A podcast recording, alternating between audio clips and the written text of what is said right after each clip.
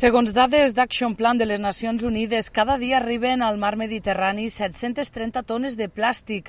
També la campanya per un deltanet, lema que porten els gots reutilitzables, ha identificat que prop del 90% dels residus que es troben a les platges del Delta de l'Ebre són plàstics en diferents formats. Francesc Vidal és director del Parc Natural. Des del parc hem anat treballant ja des de fa molts anys i hem anat veient l'evolució dels materials que arriben a les nostres platges. No? I avui en dia hem passat de, de trobar-nos residus, vidres i, i ferros, i, i etc.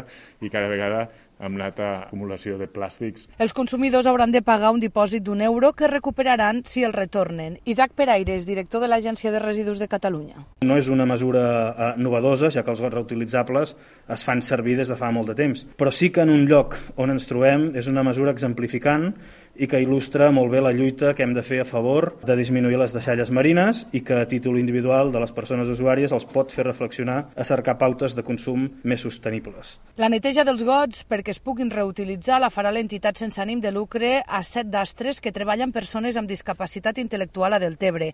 Al final de la campanya es quantificarà el nombre de gots d'un sol ús que s'han evitat aquest estiu.